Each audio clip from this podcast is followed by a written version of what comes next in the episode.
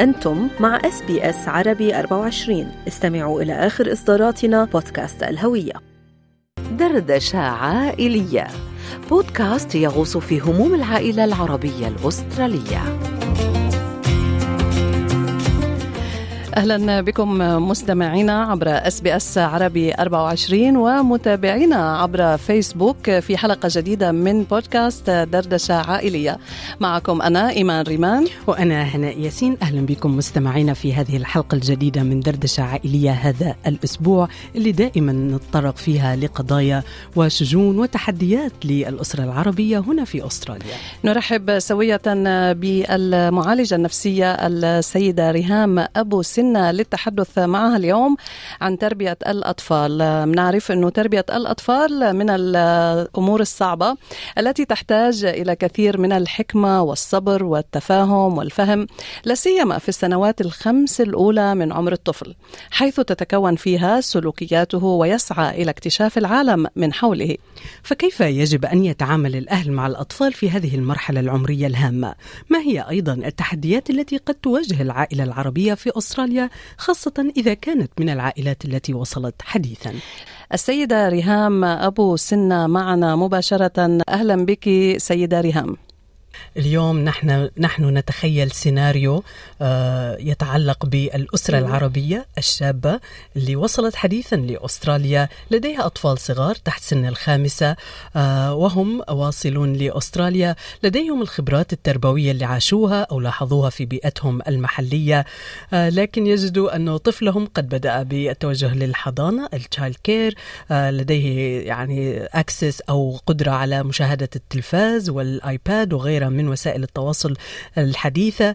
آه، فيبدأ يسأل أسئلة ويشارك أهله بمعلومات قد تكون مفاجئة لهم.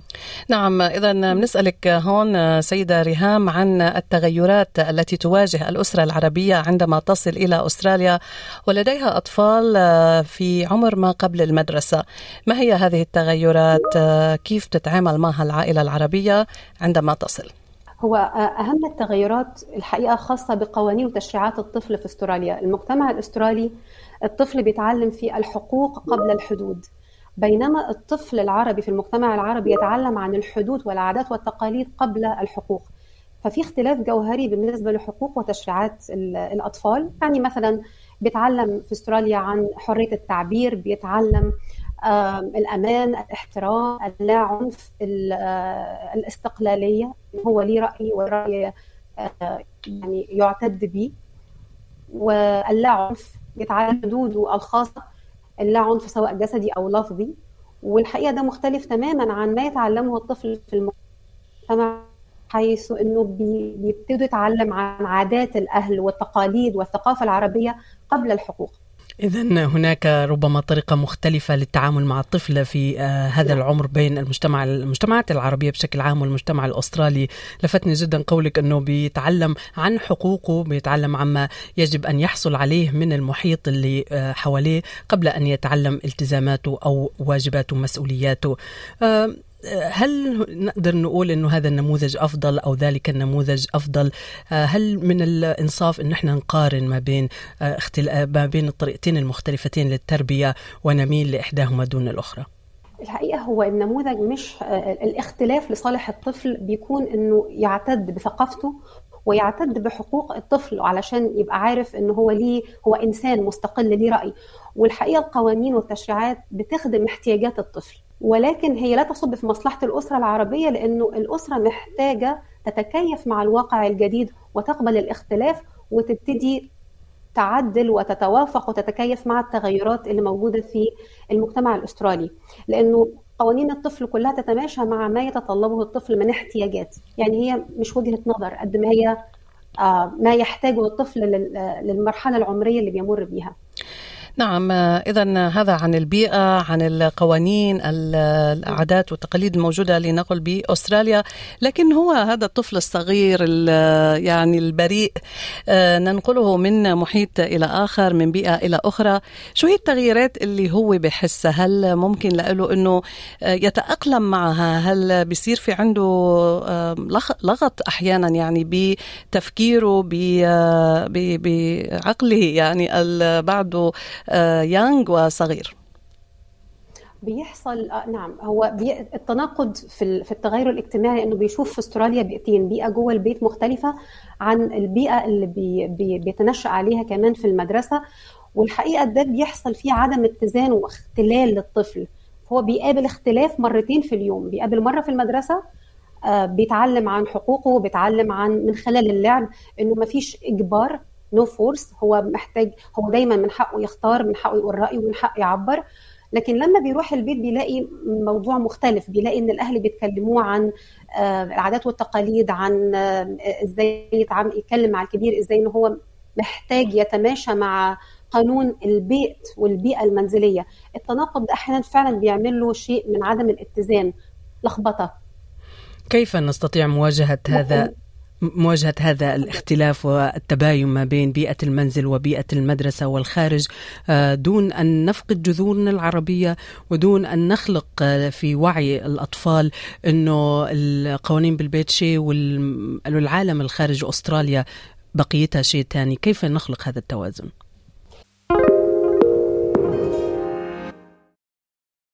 الحقيقة إن علشان الأهل يتقبلوا الفكرة الطفل محتاج حاجتين. الطفل محتاج تلبية احتياجات وصلنا ما قبل المدرسة خلينا نقول محتاج تلبية احتياجات. الأهل محتاجين يفهموا ويتعلموا كويس أو يقرأوا بشكل واعي متجدد عن احتياجات الطفل في المرحلة العمرية ما قبل المدرسة.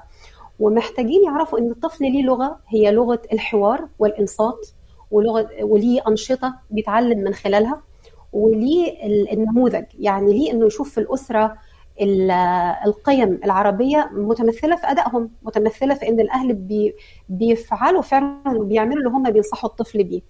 هنا هيكون الموضوع أسهل كتير إن هم يتعاملوا مع الخصائص العمرية يتعلموا عنها.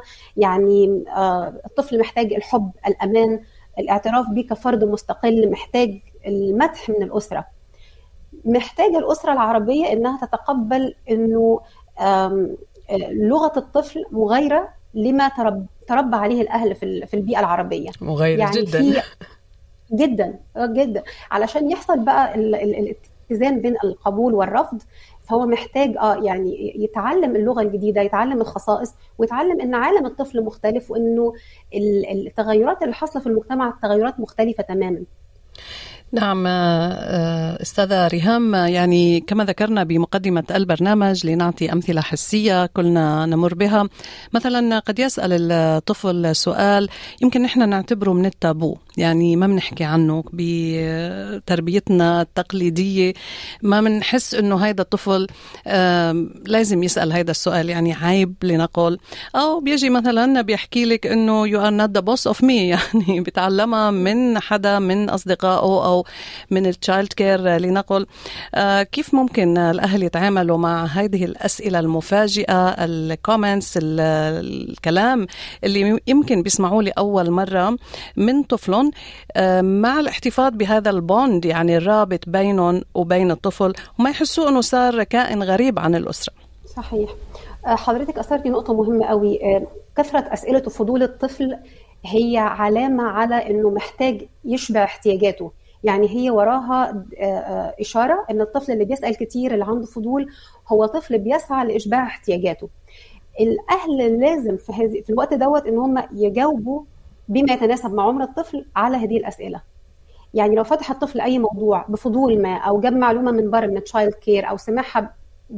في أي مصدر من أي مصدر الأهل محتاجين يكون عندهم وقت ثابت للأسرة وليكن 20 دقيقة 25 دقيقة ثابتة موجودة في البيت بشكل خلينا نقول شكل يومي ويجاوبوا بمنتهى الوضوح بلغة تناسب عقل الطفل وبتقدم القيم بتاعتنا اللي إحنا محتاجين الطفل يعرف الفرق مثلا ولكن بشكل واضح ومشروح للطفل بحيث يفهم الكونسبت أو يفهم المفهوم اللي ورا السؤال اللي هو قدمه. كثير من الأهل يحرصوا على قيم عربية صميمة في تربية أبنائهم كالاحترام تقدير الكبير وغيرها من الأمور الأساسية بنظرهم. يجدوا هنا في بعض الأحيان في بعض السيناريوهات اللي عاشوها وبيروها في من حولهم أنه طبيعة الاحترام تختلف. يعني يا أنه هذا الطفل الصغير آه، يعني عندما توجهي له آه، طلب أو حتى أمر آه، يتساءل يحتاج لتبرير يحتاج لشرح مطول وبالآخر ممكن يرفض ويعتد جدا برأيه ويصر على هذا الرفض. هل هذا قلة احترام؟ كيف نتعامل مع هذا السيناريو؟ الحقيقة حضرتك يعني إحنا بنتكلم على اختر... القيمة وراها معنى. يعني إحنا بنتفق على الاحترام متبادل بيني وبين ولادي. بس معنى الاحترام بالنسبة لي في ثقافتي العربية ممكن يكون ما تختلفش معايا هو ده الاحترام.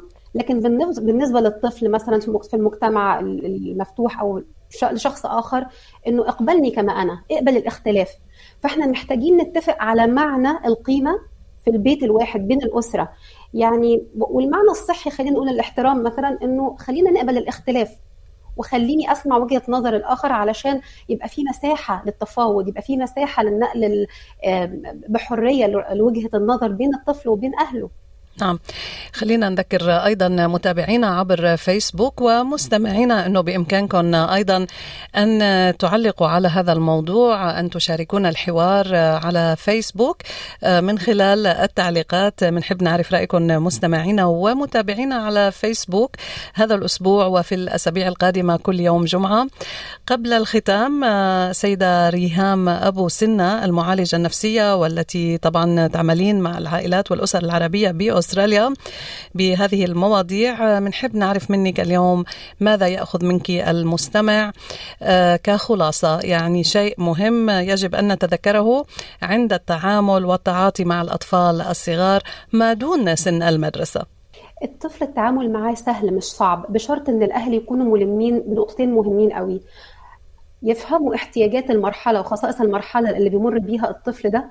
والحاجة المهمة الثانية اللي الأهل يفهموها الطفل إذا أحب وأعجب بالأب والأم وكانوا نموذج قدامه يحتذى بيه وإن هم يقتدوا بالأب والأم ده هتبقى التربية عملية سهلة جدا مش مجهدة خصوصا إذا كانت التعليمات عبارة عن إن هم بيقوموا بدورهم الطبيعي في الحياة من غير ما يقولوا له حاجة مناقضة للي بيطلبوها منه. فالحقيقة التربية بالنموذج هي أسهل طريقة للأهل إن هم يحتفظوا برابطة الأسرة وإن هم ينشأوا الطفل تنشئة سوية سليمة. نصيحة هامة جدا. شكرا لوقتك معنا في هذا المساء المعالجة النفسية وأخصائية العلاقات الأسرية السيدة ريهام أبو سنة.